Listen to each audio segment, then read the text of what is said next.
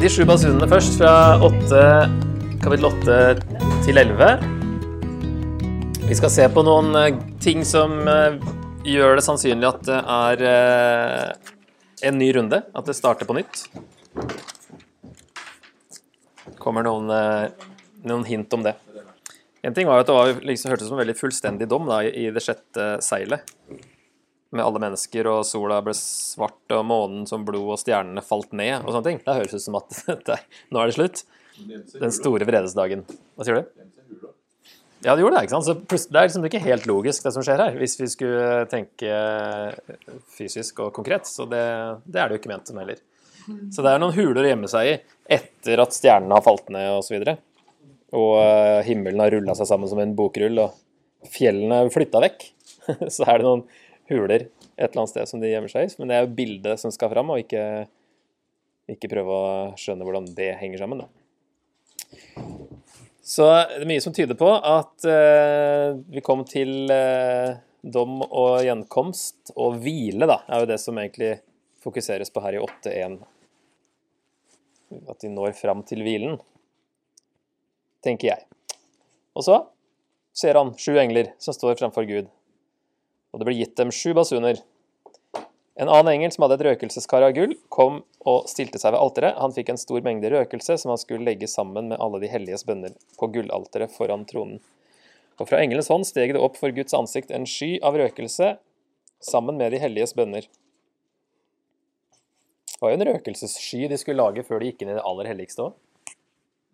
Før øverstepresten gikk inn der, så skulle han eh, tenne opp på det røkelsesalteret som sto utafor forhenget, og lage en sky så ikke han skulle se Guds nærvær altfor uh, tydelig. Det er, et bilde her som brukes, tenker jeg. Så tok engelen røkelseskaret og fylte det med ild fra alteret og kastet ilden på jorden. Og det kom tordenbrak og drønn, lyn og jordskjelv. De sju englene med de sju basunene gjorde seg nå klar til å blåse. Ok, basun nummer én er faktisk bare ett vers. Eh, vers 7. Den første engelen blåste i basunen. Da kom det hagl og ild blandet med blod, og det ble kastet på jorden. En tredjedel av jorden gikk opp i flammer. En tredjedel av trærne brant opp, sammen med alt det grønne gresset. Det er jo litt rart hvis ikke vi nå begynner på nytt igjen. Hvis uh, alt uh, ble oppløst i det sjette seilet. Um, så er det plutselig jorda her igjen, og trær og gress. Eh, så det virker som at det starter eh, på nytt her. Basuner generelt da, ble mye brukt i GT, bl.a. om Guds nærvær. På Sinai-fjellet så er det i hvert fall en lyd som av en basun når Gud eh, kommer ned på fjellet. Og det blir brukt til å advare når det er angrep, f.eks.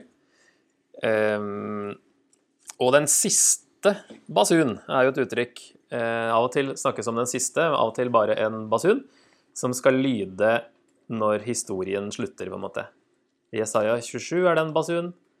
Matteus 24 snakker Jesus om det. Og Paulus snakker om den siste basun, i hvert fall, i 1. Korinter 15. Og at Jesus kommer igjen mens det lyder et basunstøt i 1. Tessaloniker 4. Så det er et bilde som er flere steder, da. Ehm, ble også brukt ved høytider og seire og uh, første nyttårsdag og når en ny konge tok makten. Så det ble brukt veldig mye. Men uh, jeg har tatt med noen her som jeg har muligens en gang tenkt var de mest relevante. Ok, her er altså hagl, ild og blanda med blod. Og assosiasjonene våre var altså her hagl, ild og blod. Hvor i GT? Mm. Eh, som tyder på at det her eh, er dom, for det er jo det de plagene er. Det er dom over Egypt. Her er det dom over et nytt Egypt, på en måte. En ny undertrykker. Og en ny utfrielse. Tenker jeg er en sunn tolkning. Og så ser vi da, som sagt, at gresset er der fortsatt etter det sjette seilet. Selv om det da brenner jo opp her. Alt det grønne gresset brenner opp. Men det er der igjen, selv om jorda gikk under, på en måte. Eller dommen kom da i, i sjette seilet. Så det tyder på en gjentakelse at nå er vi i gang med en runde nummer to. En tredjedel virker som det er litt mer alvorlig nå enn en fjerdedel etter det fjerde seilet. Men det er fortsatt delvis dom, og det er prøv å huske på det, at det er gode nyheter fordi det betyr utfrielse for Guds folk. At det onde dømmes. ikke sant? Det betyr utfrielse for, eh, for Guds folk. Så det er jo en parallell til Egypt, da. Men at det er fortsatt delvis dom, og det kommer ikke den fullstendige dommen før eh, eh, neste serie med de sju skålene, da. Og da blir jo alt som sagt helt ut på dommens dag. Så mer og mer fokus. Men det virker som det er en sånn en, ja, litt mer alvorlig nå. Ja, det var første basun. Så jeg har slått sammen basun 2, 3 og 4 på én side her neste. Fra vers 8 til 12. Den andre engelen blåste i basunen. Da var det som et stort brennende fjell ble kastet i havet. Tredjedelen av havet ble til blod. Tredjedelen av alle skapninger i havet døde, og tredjedelen av skipene ble ødelagt. Hav til blod er jo også fra andre Mosebok. Mer dom, mer utfrielse. Så er det den tredje engelen, blåste i basunen. Da falt, da falt det en stor stjerne ned fra himmelen, flammende som en fakkel, og den falt på tredjedelen av elven, elvene og på vannkildene. Stjernens navn er malurt. En tredjedel av vannet ble til malurt, og mange mennesker døde av vannet fordi det var blitt forgiftet. Så biolog, hva er spesielt med malurt? Mm -hmm. Det brukes i hvert fall om bitterhet i Bibelen. Det ser du et par andre steder òg. Ordspråkene og, og, klagesangene. Um, og Jeremia 9 og Jeremia 23 så sier Gud at han vil gi folket malurt og forgiftet vann pga. deres ulydighet. Så det er jo en uh, en dom, dette her òg. Den fjerde engelen blåste i basunen. Da ble en tredjedel av solen, en tredjedel av månen og en tredjedel av stjernene rammet. Så stjernen er jo der fortsatt, selv om de datt ned i forrige runde. sant? Det er mange ting som tyder på at det er på nytt igjen. Ellers er det i hvert fall eh, ekstremt ulogisk, alt som skjer her. Men det er i hvert fall sånne hint som gjør at å ja, stjernene blir formørket nå. Og dagen mistet tredjedelen av lyset sitt. Det samme gjorde natten. Og jeg så en ørn som fløy høyt oppe under himmelhvelvet, og jeg hørte den rope med høy røst, ved, ved, ved over dem som bor på jorden, når de tre siste englene lar sine basuner lyde. Ok, mørke fra enda en plage sant, i Egypt. Andre Mosebok 10. Så, og mørket kobles også til Herrens dag i Joel 3 og Amos 8. Da skal det være mørke for den som tror det blir lys. Og så, som sagt, stjernene rammes selv om de falt i 6.13. Tyder på en gjentakelse. Så eh, det bygges opp mot Herrens dag, virker det som. Nå er det en tredjedel. Det er ikke fullstendig mørke, men eh, det hinter om eh, Gud kommer. Så det er raskt, sånn som forrige gang. Det var fire korte, raske hester, håper jeg å si. Og så kom det litt mer De tre, tre, siste var litt annerledes. Tre siste seilene. Og det samme nå. Fire raske basunstøt, og så er det mer om de neste, da. Så den femte basunen, som kalles det første V-ropet, er fra 9.1 til 12, og der tror jeg vi har disse parterne igjen. Um, er det mye rart som skjer. Altså en stjerne som har falt fra himmelen ned på jorden, den fikk nøkkelen til avgrunnsbrønnen, og da den åpnet brønnen, steg det røyk opp som røyken fra en stor ovn, så solen og luften ble formørket av røyken fra brønnen. Ut av røyken kom det gresshopper, som spredte seg over jorden, og de fikk samme makt som skorpionene på jorden.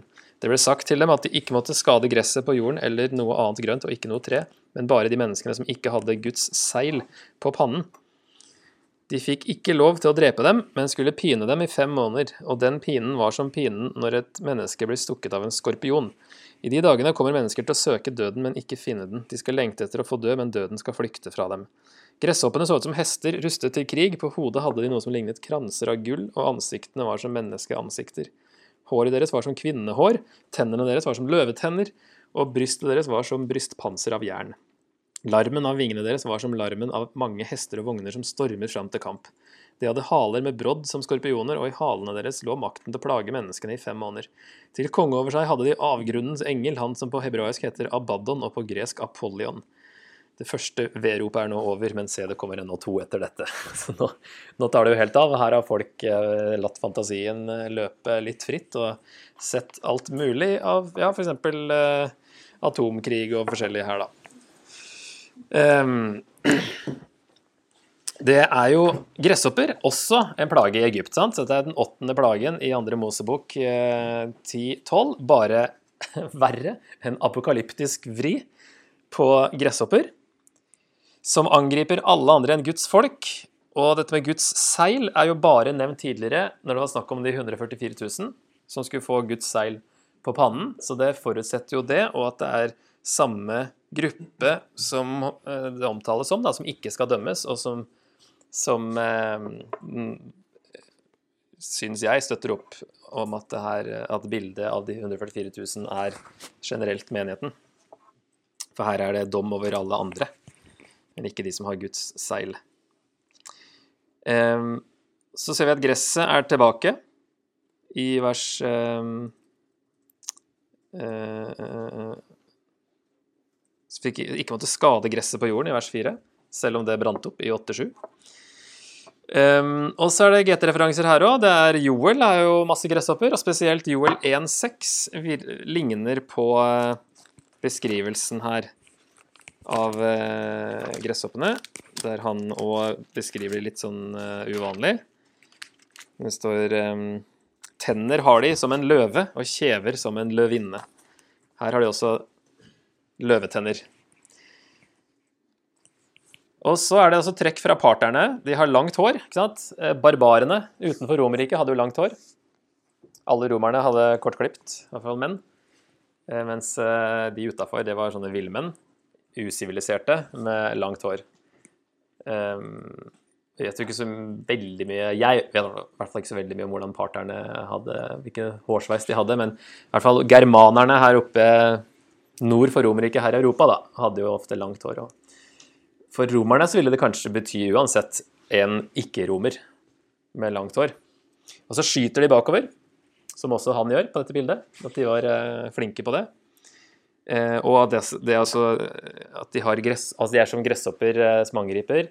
En hær som angriper med skorpionhaler som biter med halen. De skyter bakover med halen. Med at de skyter, kan skyte bakover, da.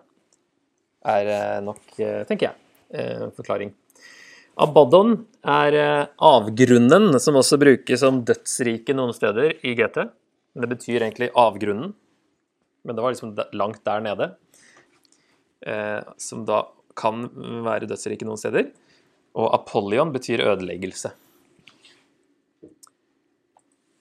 Så dette er tydelig ikke ment bokstavelig, men de mest fryktinngytende bildene i den kulturen brukes om den kommende dommen. Dette er en oppmuntring for de kristne at Gud vil gripe inn og dømme ondskapen. Men vi kan lett bli skremt av denne beskrivelsen. Og I hvert fall hvis du tenker at dette er fortsatt i framtiden og noe som eh, skal skje, og begynner å tenke en fæl krig. da.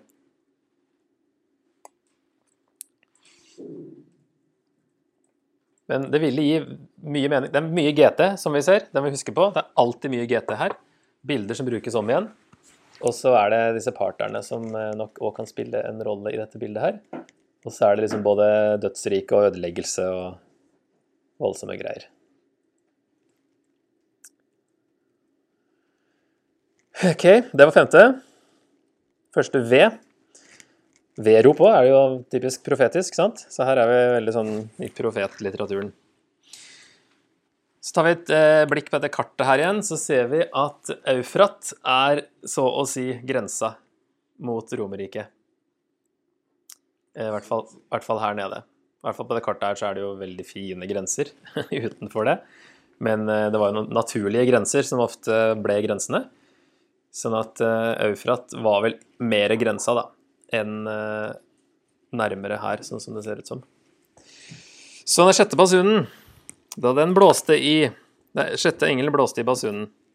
Da hørte jeg en røst fra de fire hornene på gullalteret foran Guds ansikt. Røsten sa til den sjette engelen som hadde basunen, løs de fire englene som står bundet ved Eufrat, den store elven. Og de fire englene ble løst, de som sto klar og ventet på denne timen, denne dagen, denne måneden, dette året, for å drepe tredjedelen av menneskene. Tallet på rytterne i hæren deres var 20 000 ganger 10 000. Jeg hørte tallet på dem, og i mitt syn så hestene og rytterne deres slik ut. Mennene hadde brystpanser farget som ild, hyasint og svovel. Hestene hadde hoder som løver, og ut av munnen på hestene sto ild, røyk og svovel. En tredjedel av menneskene ble drept av disse tre plagene, av ilden, røyken og svovelen som kom ut av munnen på hestene. For makten deres ligger i munnen, men også i halene, for halene deres ligner ormer med hoder, og med dem gjør de skade. Men resten av menneskene, de som slapp fra disse plagene og ikke ble drept, de vendte ikke om fra det de hadde laget med sine egne hender, så de sluttet å tilbe det. De tilba de onde åndene og gudebilder av gull, sølv og bronse, stein og tre, de som verken kan se eller høre eller gå. De vendte ikke om fra sine mord og sin trolldom, sitt horeri og sine tyverier. En tredjedel er delvis dom her, og mange som ikke omvender seg likevel. Ok, som vi så, Eufrat var grensa mellom eh, romerne og parterne. Angrep kom vanligvis via elva. Og hva er det som skjer her? Her står det altså 20 000 ganger 10 000, altså 200 millioner. En hær på 200 millioner som står bundet ved Eufrat, den store elven. Eh, eller ja, løst de fire englene som står bundet ved Eufrat. Og så ble de løst, og så i hæren deres er det altså 200 millioner. Så jeg tenker spille videre på parterbildet her, med å snakke om Eufrat og en kjempehær. Dette er jo en enorm hær, som kan ha vært mer enn hele verdens befolkning på den tiden. Som han, man har beregna til mellom 150 og 330 millioner, basert på ut, forskjellige utregninger. da. Men 200 millioner er ekstremt mange i én hær. Og det var jo ingen som hadde altså Det er jo hele verden som står eh, liksom klar på andre sida av elva for å angripe romerne. Og så har jeg nevnt at parterne var kjent for kavaleriet sitt og brukte ofte ildpiler. Og at dette da kanskje blir et enda større bilde på dommen over Romerriket, som for leserne ville være hele verden. Hele den kjente verden som vi har sett, er jo ofte det de snakker om i Bibelen, hele verden. Men uh, ut fra første leser så tenker jeg at det gir veldig mening. På andre sida av Eufrat var parterne, i hvert fall. Og etter hvert så kommer også elva til å tørke opp, denne elva, uh, Eufrat. Det er vel i uh, pla, ja, sjette Det er ikke tilfeldig at det er den sjette. Det er den verste, sant? Så den sjette skåla så eh, tørker Eufrat opp, så det kunne ryddes vei for kongene fra Østen. Og da er det liksom enda, Nå står de liksom bare klar, og så eh, blir den tørka opp neste runde. Sånn at eh, det liksom kommer nærmere og nærmere en dom, da. Og så tenker jeg det brukes som et bilde uten at det loves at parterne skal komme og ta romerne i deres levetid, men at det loves en rettferdig dom. Men utfrielsen av Romerriket skjer jo ikke på samme måte som i GT, med at eh, en jordisk fysisk utfrielse. Her seirer man ved å dø. Og nå fram til eh, det som vises på slutten av hver runde, som er målet de må huske på og holde ut for. Da. Man blir ikke ferdig med denne boka her eh, på én gjennomgang. Det er mange, mange runder for å komme inn i den, altså. Ok, og så som eh, forrige gang så er det et mellomspill mellom sjette og sjuende. Med to scener igjen. Første scene er den lille bokrullen som eh, Johannes da får og spiser. Det gjorde også Esekiel i Esekiel 2 og 3. Han spiser en bokrull med likklage, sukk og vedrop, står det i Esekiel. Men den smakte som honning. Og her er det en, som, en rull som smaker søtt, men som svir i magen. Så jeg, en, jeg, så en annen mektig engel stige ned fra himmelen. Han var svøpt i en sky og hadde regnbuen om hodet. Ansiktet var som solen og føttene som ildsøyler. I hånden holdt han en liten bokrull som var åpnet. Engelen satte sin høyre fot på havet og den venstre på jorden, og ropte med kraftig røst, som når en løve brøler. Da han hadde ropt, lød røstene av de sju tordener. Etter at de sju tordener hadde talt, ville jeg til å skrive, men da hørte jeg en røst fra himmelen som sa, Sett seil for det som ble sagt av de sju tordener, skriv det ikke ned. Og engelen som jeg hadde sett stå på havet og på jorden, løftet sin høyre hånd mot himmelen og sverget ved ham som lever i all evighet, han som skapte himmelen og alt som finnes der, og jorden og alt som finnes der, og havet og alt som finnes der. Tiden er ute. Men når den sjuende engelen lar sin basun lyde, i de dager skal Guds mysterium være fullført, slik han kunngjorde for sine tjenere, profetene. Røsten jeg hadde hørt fra himmelen, talte igjen til meg. Gå bort og ta den åpne boken fra hånden til engelen som står på havet og på jorden. Da gikk jeg bort til engelen og ba ham gi meg den lille bokrullen.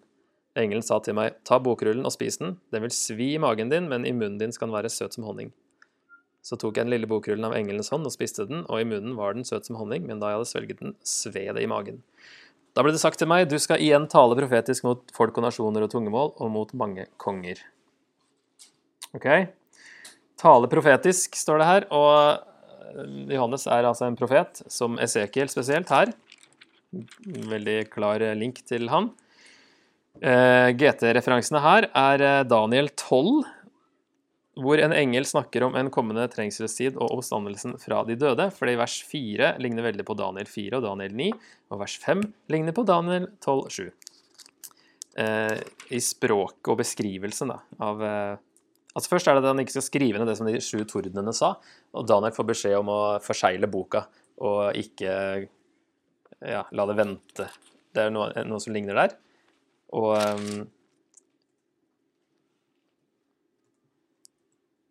Og i Ja, 12, ja Daniel 12,9. Jeg husker ikke hva som står akkurat der, da. Men um, eh, vers 5 så løfter også denne personen som snakker til Daniel, løfter sin høyre hånd mot himmelen. Det er også akkurat likt her, da. Så sånne detaljer som ikke er så lett å huske på, men det er noen, eh, noen linker dit også. Ok. Hva betyr dette her, da? At han uh, spiser en uh, bokrull, og den smaker godt, den svir i magen. Kan det være at det å følge Jesus, da, det å spise Guds ord, eller spise evangeliet, innebærer både glede og smerte. Her er det liksom forfølgelser som er eh, det svir. Men eh, også den som du sa, altså, det smaker søtt for de som tror, men blir til sviende ord for dem som står imot, og at det svir å gi det videre òg, når man må snakke om eh, realitetene. Det å tale profetisk er det kan svi, men budskapet er godt. Yes, mellomspill, det var e nummer én.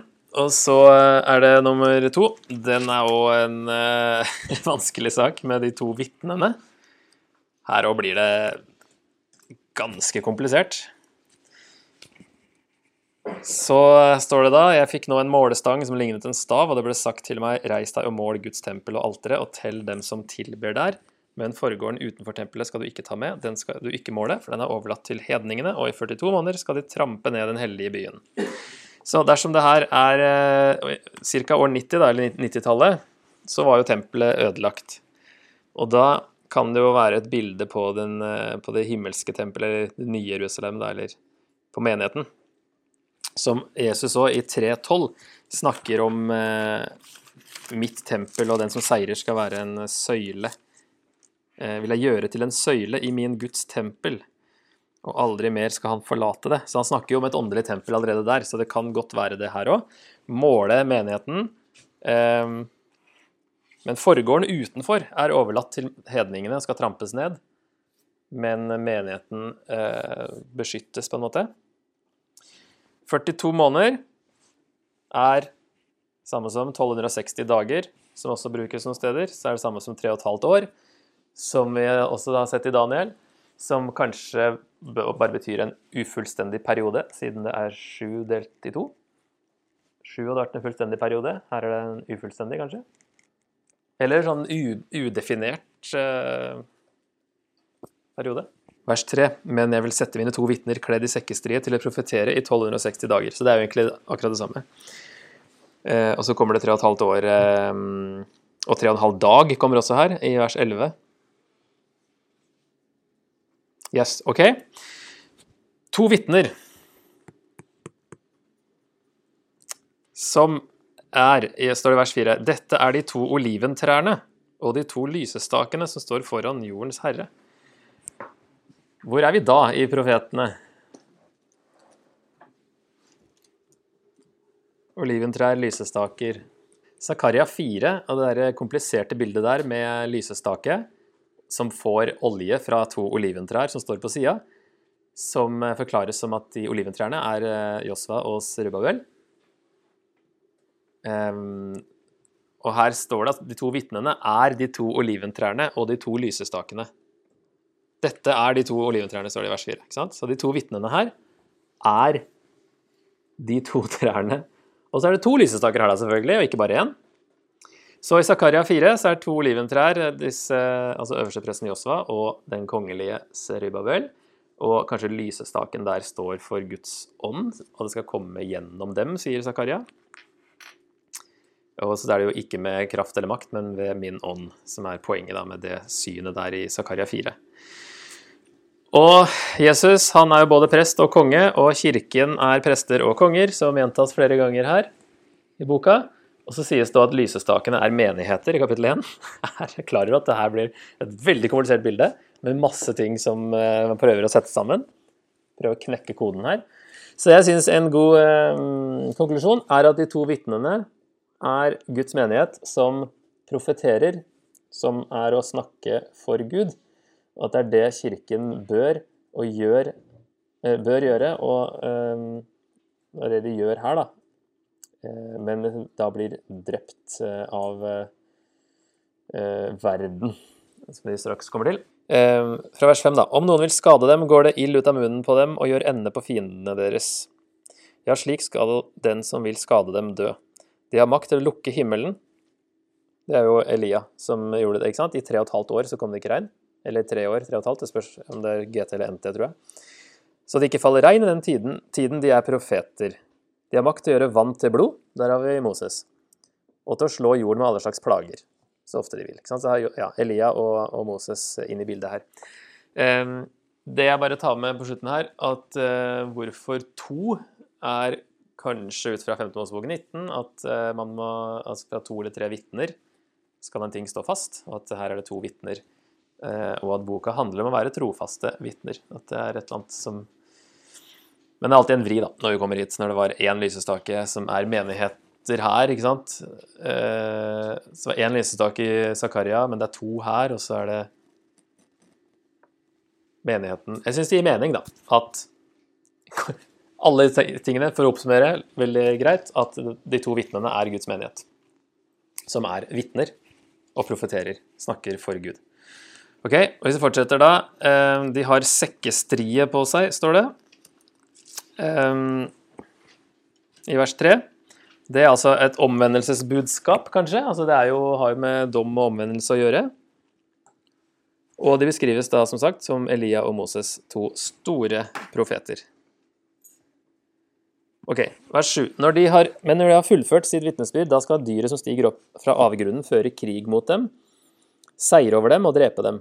Her pekes det jo fram mot et dyr som kommer opp av avgrunnen, kommer i kapittel 13 nevnes også i kapittel 17 at det kommer opp av avgrunnen. Og litt sånn katta ut av sekken, dersom dyret er keiseren, passer det at de to vitnene er menigheten også, fordi det var keiseren som forfølger dem. Men det skal vi eh, ta litt etterpå. Også dette med vitne, da. Så det greske ordet martus, som etter hvert får betydningen martyr. Og her blir de drept. De to vitnene blir drept. Likene deres skal bli liggende på gaten i den store byen som åndelig talt kalles Sodoma og Egypt, der hvor deres herre ble korsfestet. Det er egentlig fire byer i, Eller fire stedsnavn. Der hvor Jesus ble korsfesta, det var jo Jerusalem. Den store byen er jo Roma, mest sannsynlig. Og så har vi Sodoma og Egypt også. At Jesus ble korsfesta der. Roma, Sodoma, Egypt og Jerusalem. Ehm, så tenker man da at eh, Jesus, altså den store byen, er med her fordi romerne utførte korsfestelsen, kanskje. Og Sodoma og Egypt er symboler på ondskap og undertrykkelse. At det um, Står det her Skal vi se uh, åndel, ja, som, Byen som åndelig talt kalles Sodoma og Egypt. Sånn at romerne korsfesta Jesus. Romerne er som Sodoma og Egypt åndelig talt. Det er ondskap, og det er undertrykkelse. Selv om Jesus historisk ble korsfesta i Jerusalem.